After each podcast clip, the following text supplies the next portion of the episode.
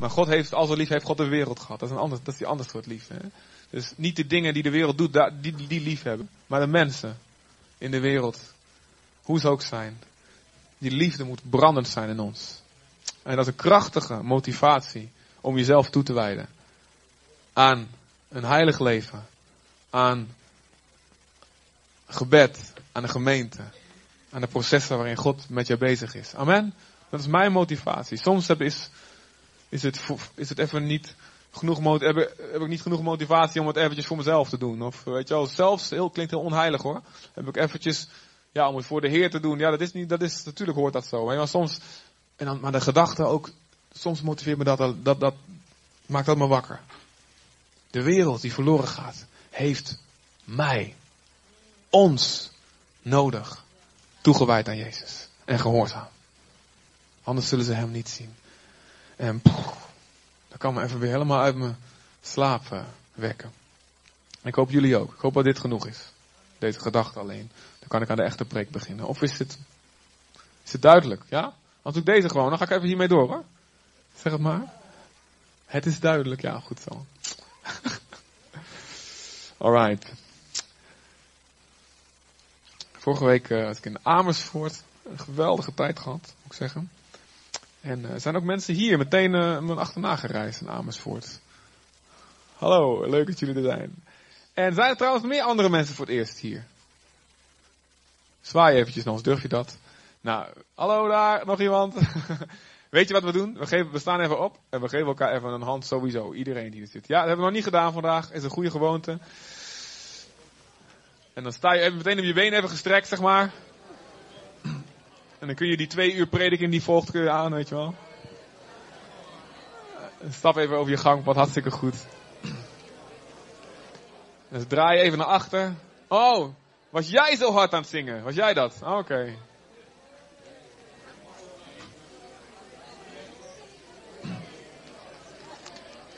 Ik zie hier mensen ook over het gangpad springen. Ik weet niet of dat veilig is, maar goed. Eh. Alright.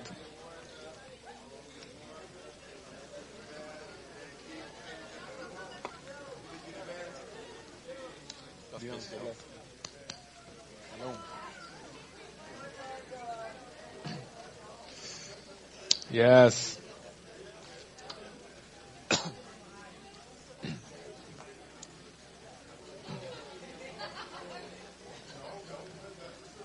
Als je hier nieuw bent, mensen, dit is echt, ik kan het vertellen dat, eh,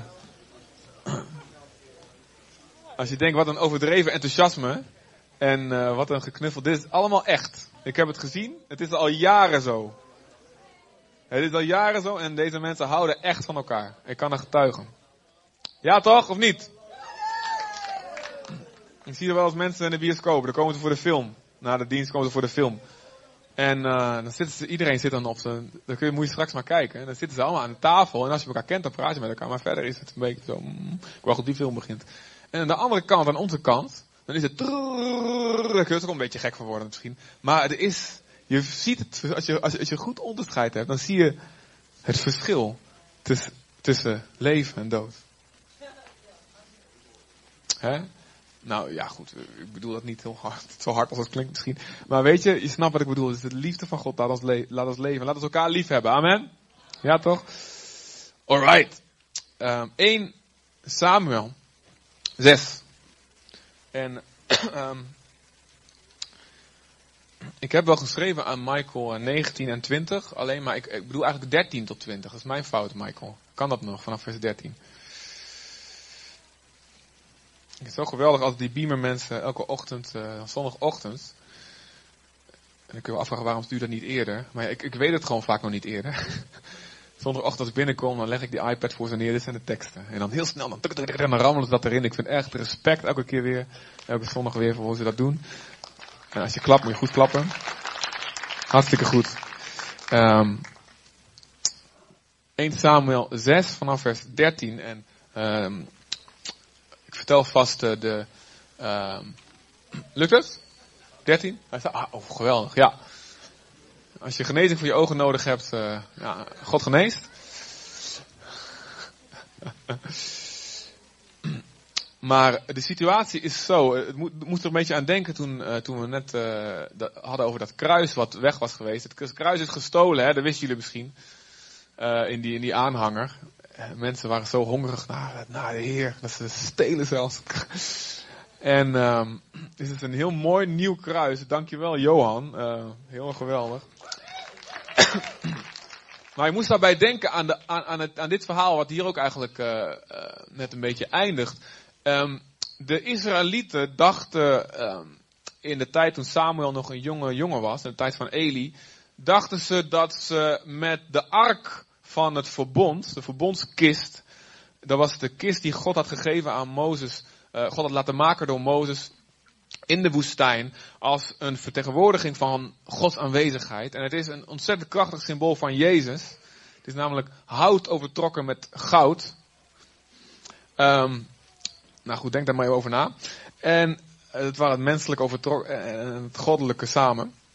En um, in die ark zaten een aantal dingen, moet je weten. Er zaten een aantal dingen in de ark. De ark stond, stond deze kist, verbondskist, uh, kist en ark, hè. Dus ik heb niet over de ark van Noach, maar ark en kist, dat is eigenlijk dat is hetzelfde. Dat wordt soms ark genoemd in de oude vertaling en kist in een wat nieuwe vertaling. Dat stond dus in het allerheiligste heiligdom van de tent van God in de woestijn. Dat had een voorhof en dan en dat was, daar mocht iedereen komen. Dan had je een heilige, een heilig gedeelte waar alleen de priesters mogen komen. En elk van die uh, vertrekken stonden een aantal voorwerpen die allemaal hele krachtige symboliek hebben. En dan had je een binnenste heiligdom, ook wel het heilige der heiligen genoemd. Het heilige van het heilige, het allerheiligste. En daar stond dan deze verbondskist. Oftewel, of ark des verbonds in het oude, oude vertaling.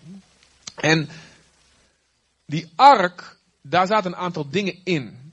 Er zat zaten er twee, het belangrijkste was, er zaten er twee stenen tafelen. Eh, de twee stenen eh, tabletten, ja in het Engels de tablet, geen uh, iPad of zo. De twee stenen tafelen waarop God de tien geboden had geschreven. Met de vinger van God zelf erin uitgebrand of geschreven. En um, de eerste had Mozes kapot gegooid toen hij zag dat ze een gouden kalf ging aanbidden. En dit waren de tweede. En deze moesten in deze kist geplaatst worden. Oftewel, de wet van God zat daarin. En dat is een mooi symbool ook van Jezus. Want Jezus zegt, uw wet is in mijn binnenste. En daar zaten nog een aantal andere dingen in. Er zat een, een, pot met manna zat daarin. En dat symboliseert ook de voorziening van God. Dat God, in een, zoals in een woestijntijd, voor ons zorgt. Maar ook uh, dat was iets wat ze dagelijks moesten verzamelen en waarvan ze leefden. Ook dat Jezus het levende brood is. En dat we dagelijks Hem mogen ontmoeten. He, manna, wat is dat? Betekent het letterlijk. Op een onverklaarbare manier. Dat we mogen eten van Jezus als we onze tijd van gebed en van het woord nemen in de gemeente. Dat betekent die, die kruik van, met manna die erin zit. En dan zat er nog iets anders in en dat was de staf van Aaron. En um, dat waren namelijk wat mensen die zeiden, jongens, uh, wij zijn allemaal gelijk, het is allemaal een democratie en uh, je moet niet zo jezelf verheffen. En God spreekt tot ons allemaal. En ze wouden, Mozes en Aaron, de twee broers, wouden ze eigenlijk, zo, ja, ga je stappen jullie maar naar beneden, want we zijn allemaal de baas. Dat is een gedachte tegenwoordig ook wel meer voorkomt. En um, toen moesten ze allemaal hun staf voor het aangezicht van God leggen. En God zei, de staf die gaat bloeien uit zichzelf morgen die, um, die staf die gaat bloeien. Die, die, dat is degene die ik uitgekozen heb. Ja, ja, hij zei, wat is dat? Hè? Dat heb ik gezegd. die, dat is degene die ik uitgekozen heb. En de staf van Aaron die begon te bloeien. En God zegt, leg die staf in de ark als een herinnering. Als een herinnering dat het belangrijk is te erkennen wie God stuurt. En uh, nou ook dat heeft veel te maken ook met Jezus, maar ook in onze tijd. Dat, we, uh, dat het goed is om nederig te zijn. En niet te zeggen, joh, ik kan ook net zo goed. Oh, ik ben net... Het is echt belangrijk is nederig te zijn. En autoriteit van God ook te herkennen. Ook als die op mensen ligt waarvan je denkt, nou moet die nou, uh, moet die nou de leider zijn, weet je. Um, dus deze ark reisde met het volk mee en ging ook naar het beloofde land. Over de Jordaan ging hij, uh, ging hij mee. En hij stond een tijd lang stond hij in Silo. Jeruzalem was nog helemaal niet veroverd. Dus hij stond in Silo en daar was het heiligdom. En toen kwam er een grote oorlog. Nou, en het volk Israël was met zijn hart al helemaal niet bij, de, bij God. Er kwam een oorlog tegen de Filistijnen en ze dachten, weet je wat, we nemen die ark mee, we nemen die kist mee. En dan, uh, dat is een soort uh, talisman, een soort geluksamulet, weet je wel. En uh, net als dat je denkt, je leest allemaal met God, maar je denkt, dit kruisje zal mij beschermen. Kruisje om mijn nek. Of een bepaald ritueel zal mij beschermen. Of weet je, gelooft eigenlijk niet met je hart, maar weet je, mijn, de, de doop zal me beschermen. Of het avondmaal zal me beschermen. Het is een, een bepaald ritueel of een symbool waarvan je denkt, ook al heb ik geen relatie met God, ook al denk ik, ah, ik kan hem eigenlijk niet zoveel van, van binnen, ja, laat hem eigenlijk koud. Maar weet je wat, een soort magisch denken hadden ze. Ze namen die kist mee en zeggen, dan zullen we vast wel winnen. God kan zeker zijn kist niet laten verliezen. Maar wat gebeurde? Onvoorstelbare gebeurde. De Filistijnen wonnen. En die kist, die ark, werd buitgemaakt. Werd gestolen. Ik ben benieuwd uh, hoe het zal gaan met de dieven van ons kruis. Maar um, die, die kist die werd gestolen. En ze gingen het als een trofee in de tempel van hun god Dagon zetten. Oh, moet je kijken, we hebben de, de God van Israël, weet je, we hebben hem als een, in de prijzenkast hadden ze hem staan. En wat gebeurde? Die, die, die, dat afgodsbeeld van die grote godsdagen, die plum, die knetterde op zijn, op zijn, op zijn snuit. En de dag erna, met veel moeite moeten ze die weer rechtop zetten. Wat een mooie god, hè? die moet geholpen worden rechtop te zetten. En, en de, de dag erna viel, was hij weer omgevallen. Nu was zijn hoofd eraf en zijn armen, even goed als ik me goed herinner. Oftewel, weet je wel, die kerel die kan niks doen. En zijn armen eraf ook nog. En, en iedereen onder de Filistijnen begonnen onverklaarbaar begonnen zweren te krijgen en builen, bulten begonnen ze te krijgen. Van die tumoren, van die gezwellen. En, en, en zo zelfs dat ze begonnen, begonnen van die gouden gezwellen begonnen ze te maken. Als een offer, zo van alsjeblieft, weet je wel, en stop hiermee. Uh, stop je mee, God van Israël. En ze stuurden die, die, die kist stuurden ze van stad naar stad. En overal kwam een uitbraak van allemaal ellende onder die Filistijnen. Tot ze uiteindelijk zeiden, weet je, die, die, wij kunnen Gods aanwezigheid helemaal niet bij ons hebben. Dit is een, dit is een God die veel sterker is dan, dan onze, onze lokale goden die wij zelf hebben bedacht. Hij moet terug naar Israël. En ze stuurden hem terug. En uh, nou, een heel verhaal met koeien en een kar. En dan komt hij terug, en dat is waar we nu het verhaal binnenkomen. Hij komt hij terug in Israël. Dus, de aanwezigheid van God, wat het, wat symboliseert, hè, datgene wat, de aanwezigheid van God symboliseert. God aanwezigheid brengt zegen of ellende. Zegen of ellende.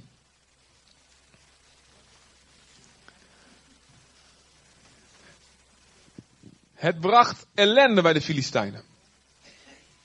Dat ze zeiden, we kunnen het niet meer verdragen. Maar God wil, Gods hart is, dat zijn aanwezigheid ons tot zegen is. Amen. Yes?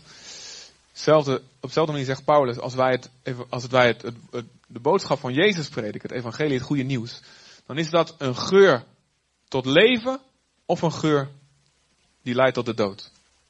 En ik heb het niet over uh, rotte vis of zo, of uh, weet, je, weet je wel, als je bonen gegeten hebt. Zo'n geur van dood heb ik er niet over. Er zijn andere oplossingen voor. Maar dat het, even als het nieuws, het, het boodschap van Jezus gebracht wordt en het wordt afgewezen, dan betekent dat een zwaarder oordeel voor degene die het afgewezen heeft. Die zal zwaarder geoordeeld worden dan iemand die het niet gehoord heeft op die manier.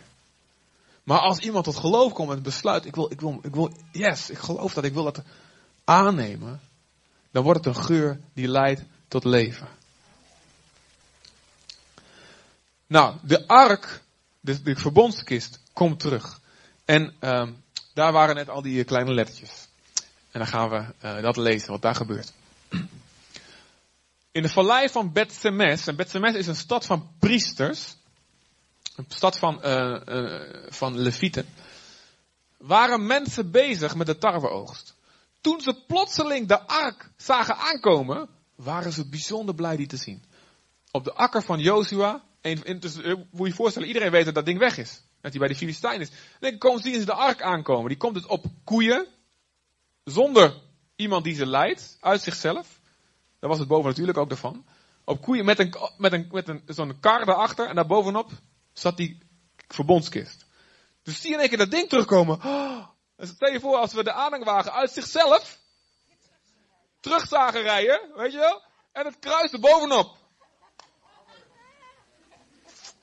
Nou, dan word je blij, hè? Dus dat, zo, dat is, zo is het een beetje vergelijkbaar. En kunnen we lachen, was echt waar. Ja. Mag niet jok op zondag. Op de akker van Jozua, een van de inwoners van Bethsemes, kwam de wagen tot stilstand. Ze hakten de wagen tot brandhout en offerden daarop de koeien aan de Heer. Laat de partij van de dieren dit maar niet horen. ja, ze ook, yeah, weet je wel, offeren. Maar eerst hadden de levieten de ark van de Heer van de wagen geladen en hem samen met de zadeltas met de gouden voorwerpen neergezet op een grote steen die daar lag. De bevolking van Bethsemes bracht die dag brandoffers en vredeoffers aan de Heer. Iedereen blij, groot feest. De vijf Filistijnse die hadden alles gezien en keerden nog dezelfde dag terug naar Ekron. Zo, oké, want die waren gaan kijken of het allemaal, of die ark goed een land uitbleef, zeg maar, weet je wel. Nou, slaan we eventjes die offers van de Filistijnen over en dan gaan we naar uh, dat stukje daar, vierde regel van onder, rechts. De grote steen in de akker van Jozua bij Bethsemes, waarop de ark van de Heer heeft gestaan, herinnert tot op de dag van vandaag aan deze gebeurtenis. Dus de tijd dat het geschreven werd, had hij zoiets van, joh, kijk zelf, maar die steen die staat er nog. Dus uh, mooi hè, de betrouwbaarheid van de Bijbel. Um, maar de bevolking van Bethsemes werd gestraft omdat ze naar, en daar staat eigenlijk, accurater vertaald, in de ark van de Heer hadden gekeken. Er stierven 70 inwoners van de stad. En het volk treurde, want de Heer had hen zwaar getroffen. De burgers van Bethlehem vroegen zich af, wie kan de aanwezigheid van de Heer, de heilige God, verdragen? En bij wie kunnen wij de ark kwijt? En dan, um, dan daarna dan, halen ze mensen uit de stad die richting Silo, richting het heiligdom, langs, aan, de weg richting het heiligdom ligt, die dichterbij ligt, Kiriat Jearim. En dan zeggen ze, alsjeblieft, nemen jullie de ark van ons over, want dan gaan die mensen dood. En toen kwam hij daar in het huis van Abinadab. En daar heeft hij, in die, de hele tijd van Saul is hij daar blijven staan. 40 jaar lang is die ark bij iemand thuis blijven staan. Ze heiligde daar iemand om daar voor zorg te dragen. Abinadab dus. En uiteindelijk pas David, toen Saul 40 jaar regeerde, Saul had, had er niet naar omgekeken naar die ark. En pas David zei, we moeten die ark weer halen. En die haalde hem op. Um, als je een andere vertaling hebt, uh, wie heeft al een andere vertaling aan de NBV nu bij zich? Even zien.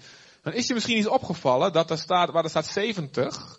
Daar staat misschien bij jou een ander getal bij. Daar staat, daar staat in namelijk. Um,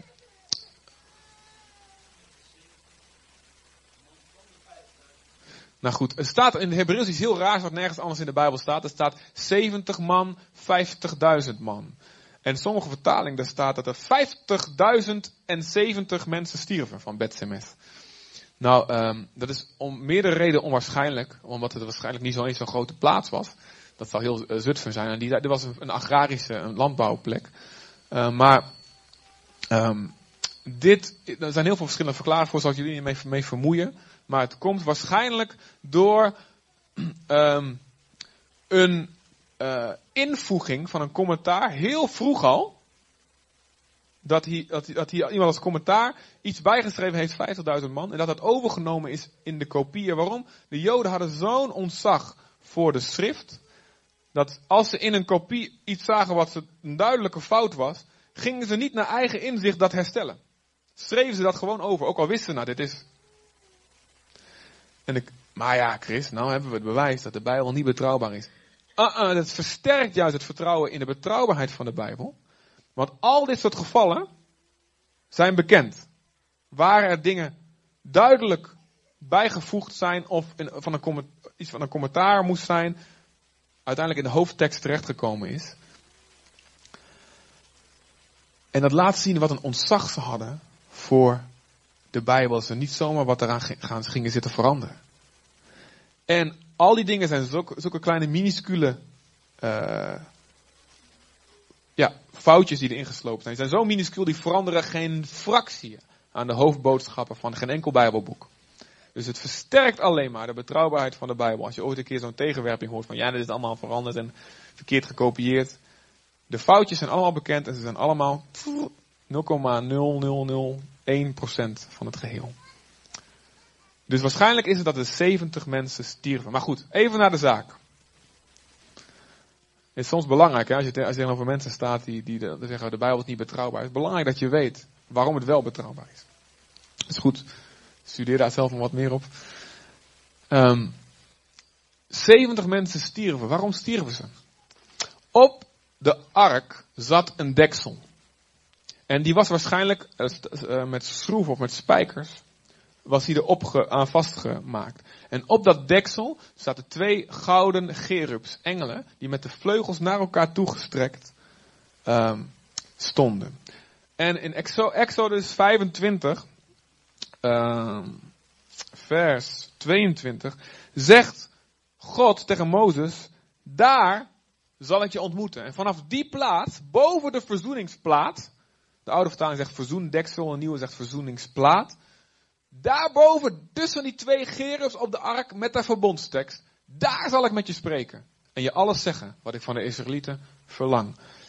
Dat deksel moest erop.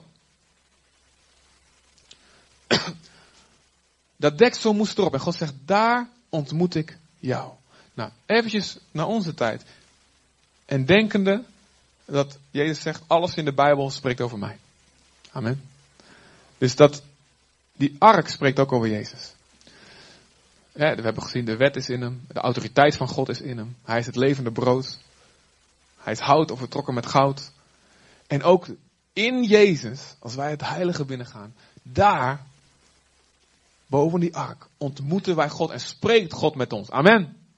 In Jezus naam. Wij bidden in Jezus naam. Niet in onze eigen naam. Want wie, wie, wie komt daar binnen? Nou, nee, je hebt geen recht hier te zijn. Alleen Jezus heeft recht hier te zijn. Maar in zijn naam, bekleed met zijn gerechtigheid, amen. Ja, kunnen wij het heilige binnengaan en met God spreken en spreekt God tot ons. Yes! En we moeten niet vergeten hoe bijzonder dat is. Hoe bijzonder dat is. Want als je daar onwaardig binnenkwam, en het is een bekend, bekende traditie, staat niet in de Bijbel, een bekende traditie dat de priesters met een touw om hun nek het heiligdom binnengingen. Het voet, sorry. Nek. Luguber. Uh, lugubere verspreken, waar komt het vandaan? Met een touw om een voet het heiligdom binnengingen. En opdat als hij dood neerviel, als hij het niet goed deed, dan konden ze hem naar buiten slepen zonder dat ze zelf het heiligdom binnen hoefden te gaan en ook dood, ging, dood zouden gaan, omdat ze onterecht daar binnenkwamen. Dus, en we mogen nu binnenstormen bij de Heer. Amen. En, en genieten van de volle voorrechten van een zoon. Ook de dames, yes. En een bruid van Christus, ook de mannen. Maar hoe niet vergeten hoe bijzonder dat is en dat daar bloed voor moest vloeien. Hoe, in Jezus. Maar dat deksel moet er niet af. Wat gebeurt er als het deksel van die kist gaat? Wat komt er dan openbaar? De wet komt openbaar. En er is geen bedekking meer overheen. Luister, Jezus is wat hij gedaan heeft. Hij is het deksel op de wet. Snap je dat? Het oordeel van God komt openbaar op het moment dat die genade eraf gaat. Begrijp je dat? Als je gaat zeggen, weet je, ja, ik heb toch geen genade nodig. Wat voor reden dan ook, je kan het zelf wel. Want uh, we kijken wat een goede daden ik doe. We kijken hoeveel oude vrouwtjes ik per week help oversteken. Weet je? We kijken hoeveel dieren en vogels, vogeltjes ik, uh, ik, uh, ik red. En ik genezen en pootjes en verbind. Moet je kijken wat geld ik geef aan een collectebus, joh. Veel meer dan de buren. Heb je wel gezien? Buren, hey. Oh nee, niet de winkel, hey. Allemaal briefjes. Kijk hoeveel geld ik geef aan de kerk, joh. Moet je kijken hoe goed ik bid en hoe goed ik al die Bijbelteksten ken. Ik heb toch geen genade nodig. Moet je kijken hoe ik mijn leven op orde heb, joh. Moet je kijken joh. Hey. Die zit in de goot. Ja, dat snap ik wel. Maar. Als je, op het moment dat je gaat zeggen, ik heb geen, ik heb geen genade meer nodig. Komt de wet openbaar. En, dat is precies wat Jezus tegen de fariseeën zegt. Oh ja, zijn jullie zo geweldig? Dan gaan we eens eventjes, eventjes serieus kijken. Je zegt dat je niet, niet, niemand doodt. Maar weet je, dat iemand een leeg hoofd noemen. En iemand een dwaas noemen. Net zo erg is. Je verspreidt de dood met je woorden. En je zal net zo goed moeten antwoorden aan het helle en aan het hemelse Sanhedrin als een moordenaar. Je zegt dat je geen overspeler bent. En ik heb het daar niet over uh, Cristiano Ronaldo die de bal niet wil overspelen, weet je, omdat hij gewoon dezelfde bal aan zijn voet wil houden. Er zijn nog ook wel een paar voetballers hier in ons midden die dan niet kunnen overspelen. Ik heb het niet over zo'n soort overspelen. Je snapt wat ik bedoel. Hè? Maar je zegt je bent zo trouw, weet je wel, je bent. Ik, maar het is net zo goed overspel. Als je kijkt met begeerte naar een vrouw waarmee je niet getrouwd bent. Als je fantaseert over de buurvrouw en haar uh, gevaarlijke bochten, zeg maar, weet je. Het is net zo goed overspel.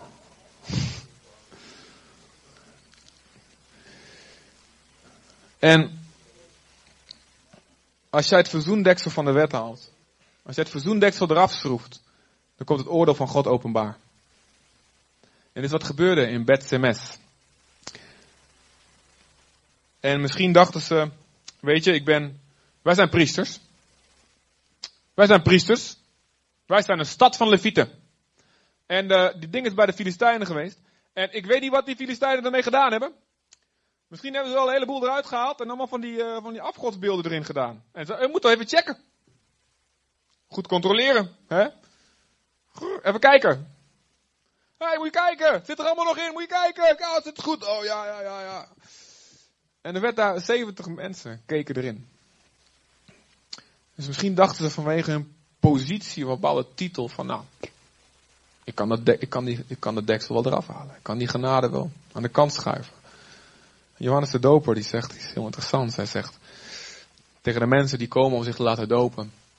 En op een gegeven moment wordt het een hype. Hè? In het begin was het een radicaal, was het, waren er een paar die lieten zich dopen. Maar dat deed je niet. Alleen de buitenlanders lieten zich dopen. Die, die, die Joods wilden worden. Maar Johannes de Doper, waarom hij zo, zo revolutionair was. Hij zei dus tegen Joden dat ze zich net zo goed moesten bekeren. Als de buitenlanders. Net zo goed moet je je laten wassen. Je hebt net zo goed moet je je zonde beleiden. En, en in het begin was het, uh, waren het alleen, was het echt mensen die met hun hart kwamen. Maar op een gegeven moment werd het ook, oh, ga je ook laten dopen? Ja, is wel leuk. Het is helemaal het in-ding om te doen, weet je wel. Echt, het ging helemaal viraal op YouTube en, en, de sociale media werden helemaal trending topic op Twitter, weet je wel. Vet, het is helemaal hip om je te laten dopen door Johannes te dopen. Iedereen ging mee. En toen zei hij, hé, hey, stelletjes slangenkinderen, uitbroedsel van, van adderen, wie heeft gezegd dat zo makkelijk is? Ga niet zeggen, ik ben een kind van Abraham, dus door mijn positie heb ik geen bekering nodig, heb ik geen genade nodig, heb ik die voorwaarden gelden allemaal niet voor mij. Want God kan zelfs uit deze stenen kan die kinderen van Abraham verwekken. Dus ga niet schuilen achter je positie. Misschien dachten de bed-semieten, dus wij zijn priesters. En misschien denken wij soms, ik ben christelijk geboren. Ik heb geen genade nodig. Die daar buiten, die heeft, ja, die heeft genade nodig. Ik heb de genade helemaal zelf verdiend. Door christelijk geboren te worden. En zo kunnen allerlei gedachten in ons zijn. Waardoor wij denken dat we dat niet nodig hebben.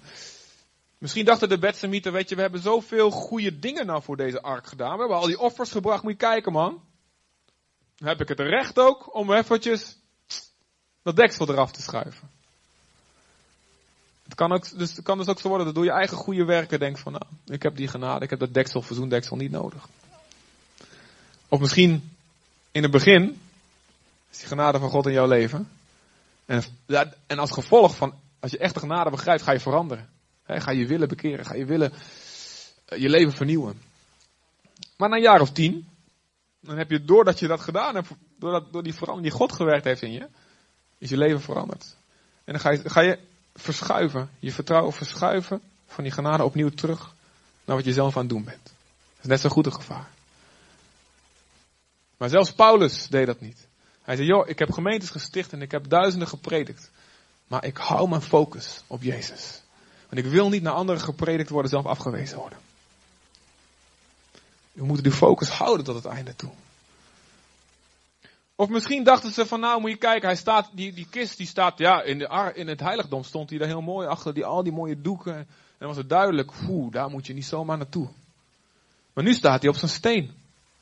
En misschien speelden er allemaal kinderen omheen zo, weet je wel. En er allemaal graffiti op die steen, weet jij veel. En begonnen ze een soort overbekendheid te krijgen met die kist. Of het werd gewoon, nou, het is gewoon een normale kist. Maar ze wisten niet wat die kist had gedaan om daar te komen. Wat God had gedaan. Ze wisten niet de afgodsbeelden die ervoor omgevallen waren. En de grote bulten die die veroorzaakt had. En de koeien die boven natuurlijk gestuurd werden. En ik heb het ook wel eens dat, je, ik overbekend word met mensen. Ik zat laatst bij, bij een soort ontmoeting waar allemaal uh, voorgangers. En, um, en het was een beetje, een, beetje een, een vergrij, was het met, uh, met Carlino, mijn vader. Het was een beetje een beetje vergrijsde samenkomst. Dat heel veel oudere voorgangers waren. En uh, ik zag iemand en um, ik zal niet zeggen wie die is. Maar hij lijkt een beetje, als een voorganger, hij lijkt een beetje op Kabouter Plop. Ja, kan hij ook niks aan doen. Ja, goed, naar zijn baardje, kan hij afscheren, maar goed. En, en ik dacht van, ja, Kabouter is wel grappig, ja. En een van de, van de, van de, van de grijze massa die daar was. En ik had er wel eens een paar keer over die man gehoord. Maar ik raakte met, raakte met die man aan de praat. En toen begon hij te vertellen over wat God gedaan had door zijn leven. En er gebeurde iets bij mij. Ik denk van, man. Deze man, ik, maar, ik, in mijn gedachten is hij gewoon een kabouterplop. Moet je kijken wat God eromheen doet, joh. En ik voelde me tikkeltje op een tikkeltje beschaamd. En ik denk, wauw. Hier is een, een, een, een, iemand die de aanwezigheid van God draagt. En gedragen heeft. En gemeentes geplant heeft. En God heeft hem gebruikt voor machtige dingen. Kwam ik toen pas, realiseerde ik me dat. En ik dacht gewoon, het is toch kabouterplop. Oh, weet je. En zo'n oh, zo'n oude, niet relevante voorganger van, van vroeger, weet je wel. Die niet meer, niet meer echt die aansluiting heeft met hoe je het nu vandaag moet doen, weet je wel. Er zijn verschillende manieren hoe je, hoe je ertoe kan komen dat je de aanwezigheid van God een beetje gewoon gaat vinden. Maar meestal is het zo, yeah, you don't know what you got till you lose it. En ik wil je zeggen dat de aanwezigheid van God in deze gemeente zo bijzonder is. Amen. Dat die zo bijzonder is.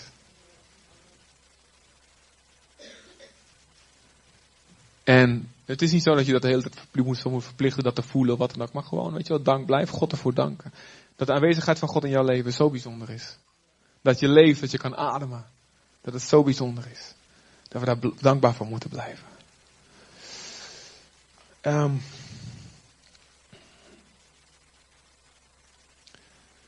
dus God spreekt tot ons.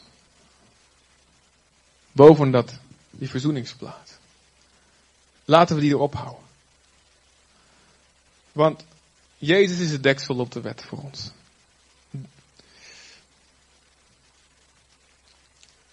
En de wet zonder deksel brengt de dood. Want een God is een verterend vuur, zegt de Bijbel. En ik uh, weet hoe dat voelt. Ik weet hoe dat voelt. Mijn bekering was een bekering met vuur. Het was een overtuigd worden van mijn zonde. Terwijl ik dacht, ik heb geen verzoend deksel. Hou dat deksel maar eraf, joh. Dat deksel hoeft er niet op, voor mij, hoor, met die kist. Ik ben goed bezig. En toen op een goede manier Gods liefdevolle vuur in me kwam. En ik voelde, man, als mijn, deze zonde, mijn egoïsme, mijn trots in mij blijft. En als God zo dichtbij komt zoals hij nu komt, heb ik een groot probleem. Dat was mijn genezing. En ik zei, alsjeblieft, laat iemand een deksel op die kist doen. Laat iemand een deksel op die kist doen. Wie kan mijn deksel zijn? Wie kan die wet weer? Wie kan mijn fouten die ik nu zie en mijn hart en ik weet dat ik, ik kan er nooit van genezen. Ik kan mezelf niet verbeteren. Wie kan mijn deksel zijn? toen fluisterde de Heilige Geest in mijn gedachten. Dit is waarom Jezus gekomen is. En mijn eerste gedachte was, dus ik wist het de hele tijd, dat stond voor mijn neus. En ik was er zo bekend mee geraakt, zo vertrouwd mee geraakt. Van mijn, van mijn, van mijn af hoorde ik Jezus, Jezus, het kruis, bla bla. In mijn hoofd was het bla bla bla. Ja, ja, ja, ja. Niet relevant. En nu, in beperkte mate, het oordeel van God werd openbaar over mijn leven. En ik riep het uit, alsjeblieft, dat iemand deksel erop schroeven. En toen liet God me Jezus op een nieuwe manier zien. Jezus bedekt mijn zonde met zijn bloed. Amen. Amen. Jezus bedekt jouw zonde met zijn bloed. Of durven we het aan? Hé, hey, laat het er maar op aankomen. Als dat moment komt, als mijn tijd komt. Nee, ik gok het er wel op.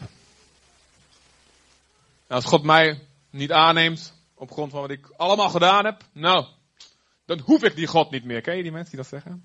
Ik heb zoveel gesproken. Als God, als ik dat, als ik genade, als ik niet uit mezelf, kijk eens hoe goed ik leef. De Bijbel is heel duidelijk, niemand is rechtvaardig genoeg. Zelfs niet één. Iedereen heeft gezondigd. En schiet tekort aan de heerlijkheid van God en wat God van ons vraagt.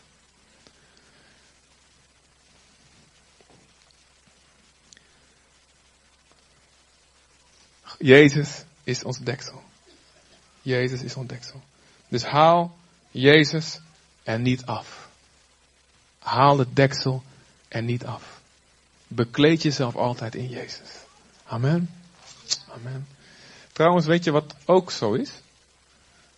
Naar elkaar kijken, zonder een genadedeksel, brengt ook dood voort. Wist je dat? Elkaar oordelen en veroordelen. En harder worden.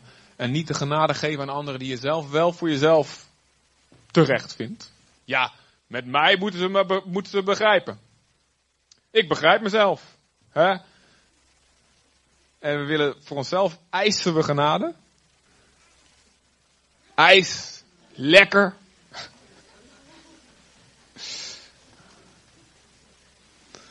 Geweldig. Echt super. We eisen genade. Ik heb recht op die genade van jou. Snap je de interne tegenspraak? Um, maar voor anderen zijn we hard en dat verspreidt net zo goed dood. Het rooft het leven uit onze relaties. Want waar oordeel is, daar willen we zo hard mogelijk weg. Ja toch? Nou. Daarom is in deze tijd, de tijd van genade, de tijd dat Jezus nog niet teruggekomen is voor een tweede keer, is de uitnodiging van de Heilige Geest, kom. Allemaal. Kom, grijp mijn aanbod aan. En mogen wij dit goede nieuws verspreiden. Ja, er is een wet. We schieten allemaal tekort, ik ook. En misschien is het nodig dat we eventjes heel duidelijk te weten hoe en waarom jij tekort schiet. Als je denkt dat je het zelf haalt. Maar er is een deksel op die wet. Het is Jezus. En weet je, ik heb gemerkt, kun je dan zeggen. Ik heb gemerkt dat dat deksel erop zit. En dan ga ik naar God toe, ga ik het heiligdom binnen. Dan praat God met mij. Ik praat met hem, hij praat terug. Wie kan zeggen dat hij de stem van God verstaat in zijn leven? Wees maar eerlijk, wees maar eerlijk. Is toch? En het komt. Als je komt met dat deksel op je kist. Hou je deksel erop, mensen. Hou dat deksel erop. Luister, wat er gebeurde, is dat de bewoners van Bet Semes zoiets hadden van, uh, weg met dat ding. En dat was de tragiek van dit verhaal. Tuurlijk is het verschrikkelijk als mensen doodgaan. Helemaal als het er 50.000 zouden zijn geweest. Nou, waarschijnlijk waren het dus 70. Maar dat is erg zat. Zie je 70 mensen, van, weet je wel, van de 200 die hier zitten. Ja, dat is niet cool. Hè? Maar Gods bedoeling was niet dat ze daarna, daarna zijn aanwezigheid zouden wegsturen. Dat was niet Gods bedoeling. Maar dat deden ze wel. Ze zeiden, kom, weet je wel, we kunnen er niet aan. Ik wil liever dat God niet zo dichtbij komt. Ik, allemaal, ik voel me helemaal slecht, man. Ik voel allemaal oordeel en dingen, dingen. Ik wil het niet. Hier, weg met, weg met die ark.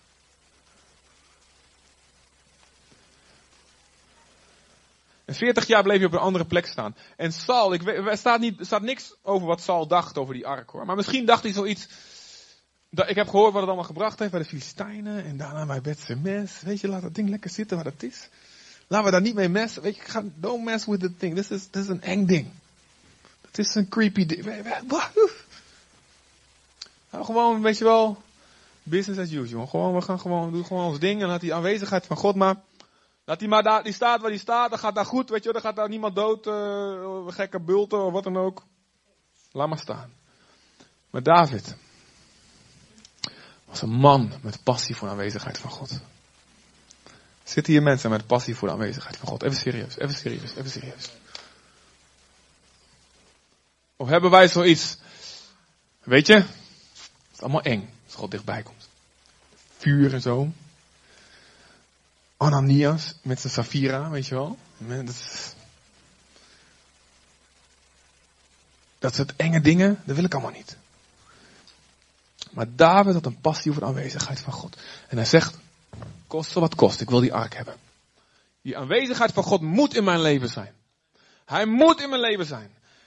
Ik vind het niet genoeg om gewoon gezegend te zijn door God en het is allemaal, hij is er. Maar dat ik niet die aanwezigheid van God op zijn maximum in mijn leven heb, ik accepteer dat niet. Wiens hart wordt wakker als ik dat zeg? Mozes zei, leuk die engel. Dank u wel, dank u dat u ons zegent. Fijn die belofte, heel goed, maar ik wil u zelf, ik wil dat u zelf meegaat. Anders blijf ik hier, ik verroer geen vin. Waar is onze passie voor de aanwezigheid van God in ons leven?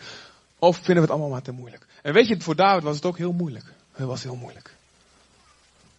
Wat gebeurde er? Hij haalt die ark op uit het huis van Abinadab. 40 jaar na dit, hè? 40 jaar. Hij haalt hem op. Groot feest! En wat, hoe doet hij dat? Op een kar. Zoals de Filistijnen ook deden. En hij was blij, groot feest. Maar omdat hij op een kar stond en hij werd niet vervoerd op de manier zoals God had gezegd, namelijk levieten moeten hem dragen met draagstokken. Dan is het ding stabiel. Maar op een kar, wat gebeurde er? Er zit een hobbel in de weg. En die ark die schuift op een gegeven moment eraf. En is een man, Uzza. En die wil dat ding tegenhouden. En zodra hij hem aanraakt, valt hij dood neer. En David zegt hetzelfde als wat de mensen van Bethsemes zeggen. Zegt hij eerst. Ik vind dit veel te heftig. Dat zegt hij. Lees maar. twee Kronieken. Eh, 1 Kronieken 13 het hoofdstuk. Ik vind het veel te heftig. Weet je, zet hem even. We zetten, en we deden hetzelfde. Zet hem bij dat huis naar onderweg, bij Obed Edom. Zet hem daar. En daar, en daar staat hij. Maar David had, een, had passie, weet je nog? Hij was. Hij wou niet leven zonder de aanwezigheid van God.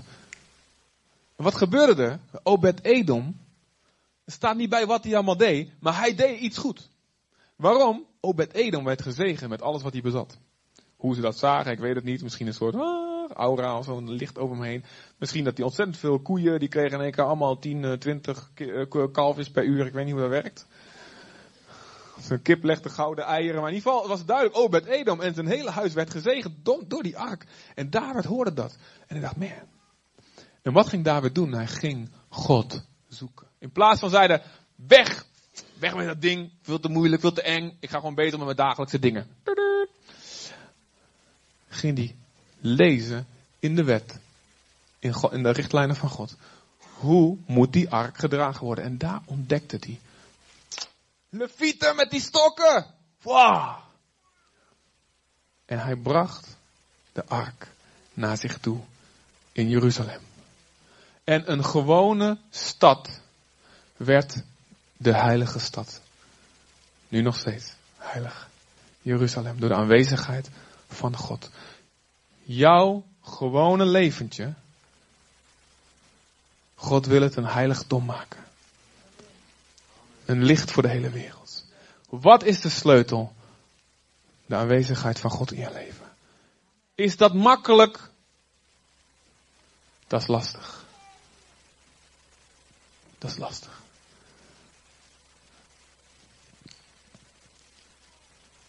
Jezus is het deksel op de wet.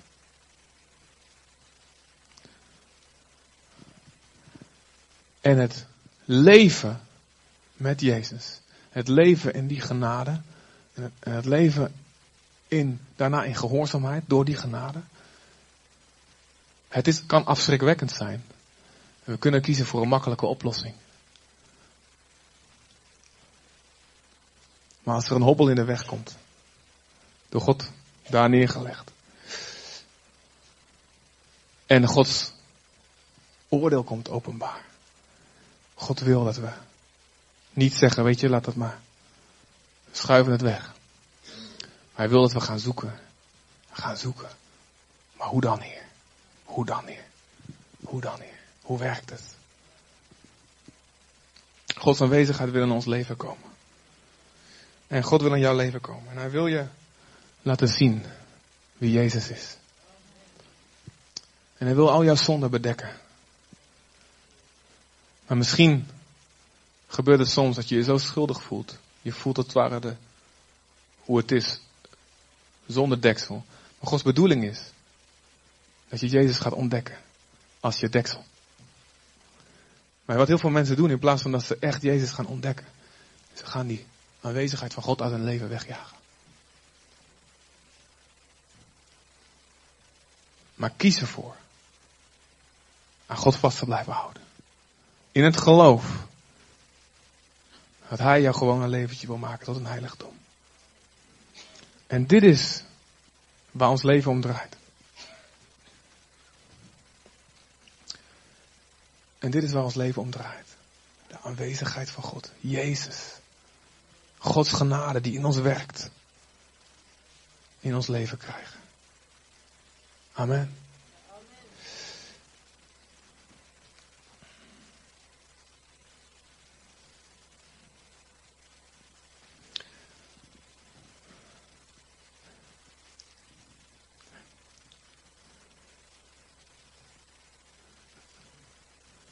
Even een seintje naar de Levieten.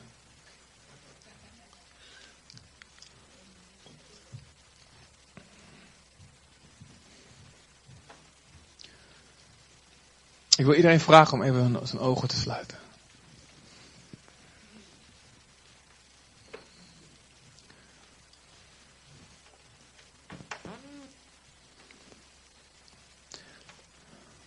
Onze God, u bent een verterend vuur.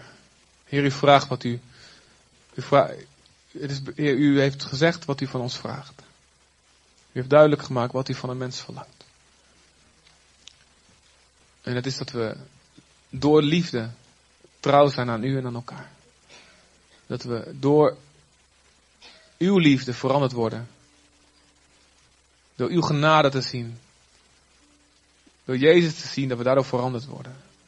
En als reactie daarop dat we geloven in uw goedheid.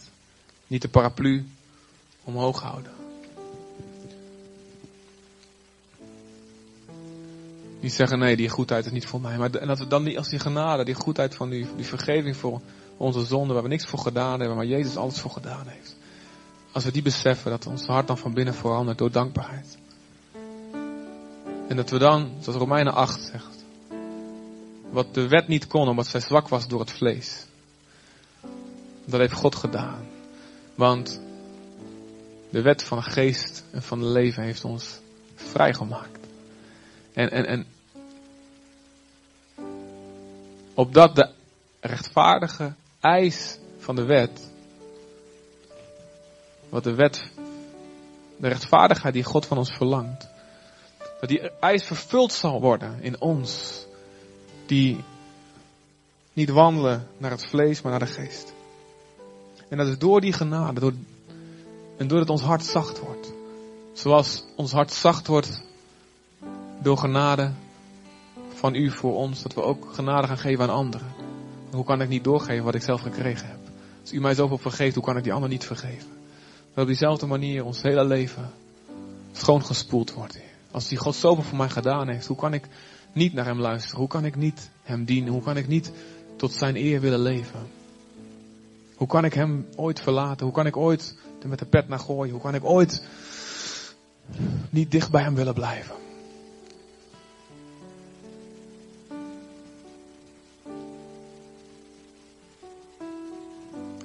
Heer, die aanwezigheid, die willen wij in ons leven. Die willen wij in ons leven. En wij beseffen, Heer, dat er een deksel op onze kist moet, Heer. We willen erkennen, al hebben we het zo vaak eerder gedaan. We willen erkennen, Heer. Geen veertig jaren van uw trouw dienen. Geen duizenden keren naar de kerk gaan. Geen bijbelteksten uit onze kop kennen. Hele boeken. Kan het deksel zijn op de kist.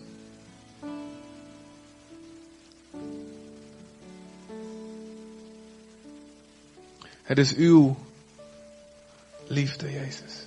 Het is wat u gedaan heeft voor ons. Op grond daarvan komen we bij u.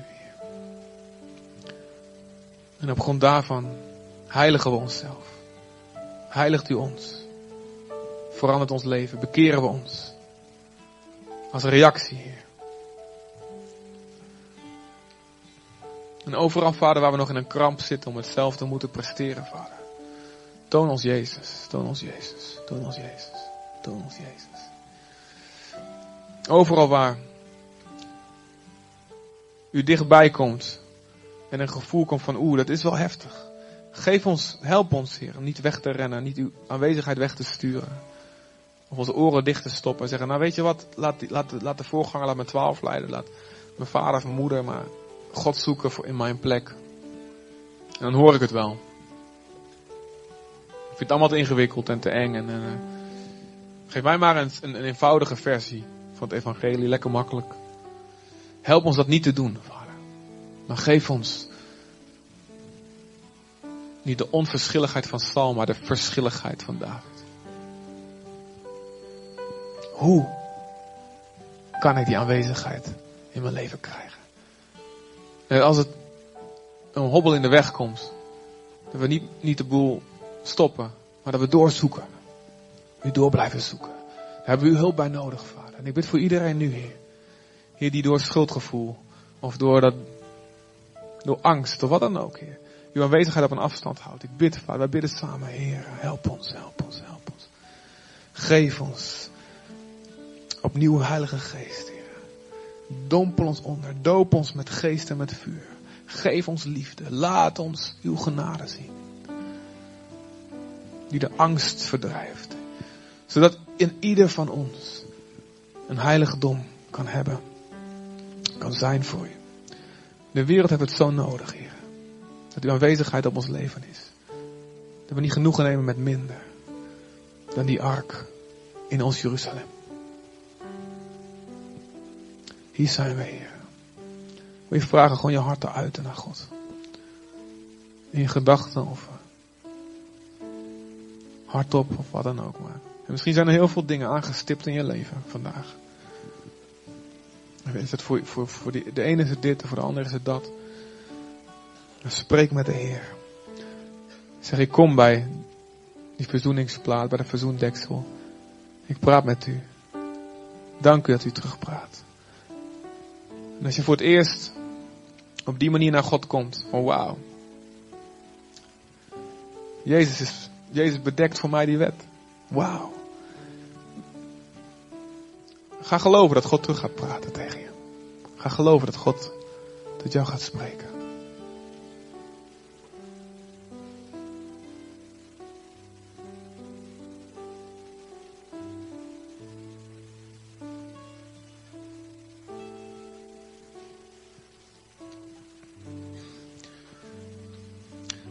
Zou willen vragen gewoon, iedereen die zegt, ik heb Jezus nodig. Als mijn verzoendeksel. En dan zou je kunnen zeggen, nou, dan zal iedereen wel gaan staan. Maar laat het niet eens automatisch zijn. Iedereen die, die bewust zegt. Al beseft je dit al, of is het voor de eerste keer. Die bewust zegt, ik heb Jezus nodig. Als deksel op de wet. Ik wil je vragen te gaan staan en je handen uit te strekken naar de hemel.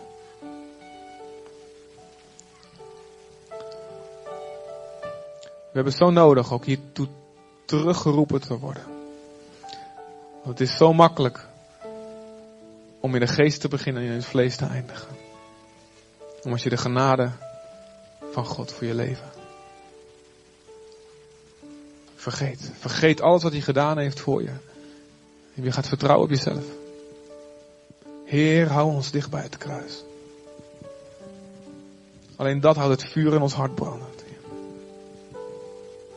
Hier zijn we, Heer. Hier zijn we, Heer. Als je wil, strek je handen uit naar Hem. Begin zijn naam te zeggen. Jezus, Jezus. Yeshua, Yeshua. U bent mijn redding. Niet ik. Niet mijn goede werken. Niet mijn positie. U bent mijn redding. Jezus, Yeshua. Yeshua. En als we dat gaan doen.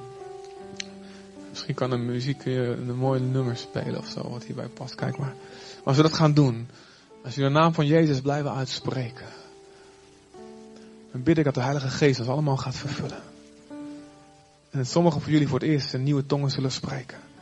En sommigen van jullie voor het eerst zullen profiteren. Een lied zullen ontvangen van lofprijzing. En vrijmoedigheid komt. De vrijheid om te aanbidden. Een soort doorbraak in je gedachten. Vrijheid om te evangeliseren. Dat die schaamte verbroken wordt over je leven. Waarom? Je hebt gezien dat je Jezus bedekt de wet, man. Dus laat de boel maar lekker aanzwellen hier zo. Ja, jullie zijn de, de levieten. Jullie helpen ons. Jullie dragen aanwezigheid van de Heer. Dank u, Jezus, Jezus, Jezus. Uw genade, uw genade. Dank u wel. Dank u wel, dank u, Vader. Dank u, Heer. Dank u dat het oordeel van u niet over mijn leven blijft. Dank u, Vader. Dat ik niet weg hoef te rennen als ik het verterend vuur voel, maar dichterbij mag komen. Dank u, Heer, voor Jezus. Dank u, Hij stierf die bloedige dood. Terwijl het mijn dood had moeten zijn. Hij stierf en Hij kreeg wat ik verdiende. Hij kreeg wat ik verdiende en ik kreeg wat ik niet verdiende. Oh Jezus, en ik wil met u praten. Ik wil u ontmoeten daar bij dat verzoendeksel. Jezus. Vader God. Oh Jezus, Heer, dank u voor uw genade. Roep zijn naam, spreek zijn naam. Yeshua, Jezus, Jezus, Jezus. Yahweh is redding. Dat betekent de naam Yeshua. Yahweh is verlossing. God is onze verlossing. Oh Heer, dank u Jezus. Dank u Jezus. Dank u Jezus. Oh, steek ons hart weer aan door uw genade, Heer. Geef ons weer vurige liefde door uw genade, Heer. Oh Jezus, Heer. Kom Heer, u bent voor ons, Heer. U bent voor ons, niet tegen ons, Heer. U roept ons en u jaagt ons niet weg. En elke stem die zegt, wegwezen bij God. Elke stem waarvan je denkt dat die van God komt, kom maar niet dichterbij, want je bent dus slecht. Ik bestraf in de naam van Jezus deze stem van de aanklager. Satan, ga achter mij. En als jij een stem van die aanklager hebt, een stem die jou wegjaagt en jij bent niet goed genoeg. Spreek het hardop uit. Zeg, Satan, ga achter mij. Ik bestraf jou, aanklager. Ik bestraf jou. Laat de Heer jou bestraffen. Want ja, inderdaad, ik ben niet goed genoeg. Zonder deksel moet ik ook dood. Maar Jezus is mijn deksel. En ik hou het deksel erop. Ik hou het deksel erop in Jezus' naam. En ik schroef hem er nooit af. Ik vertrouw op mijn Jezus.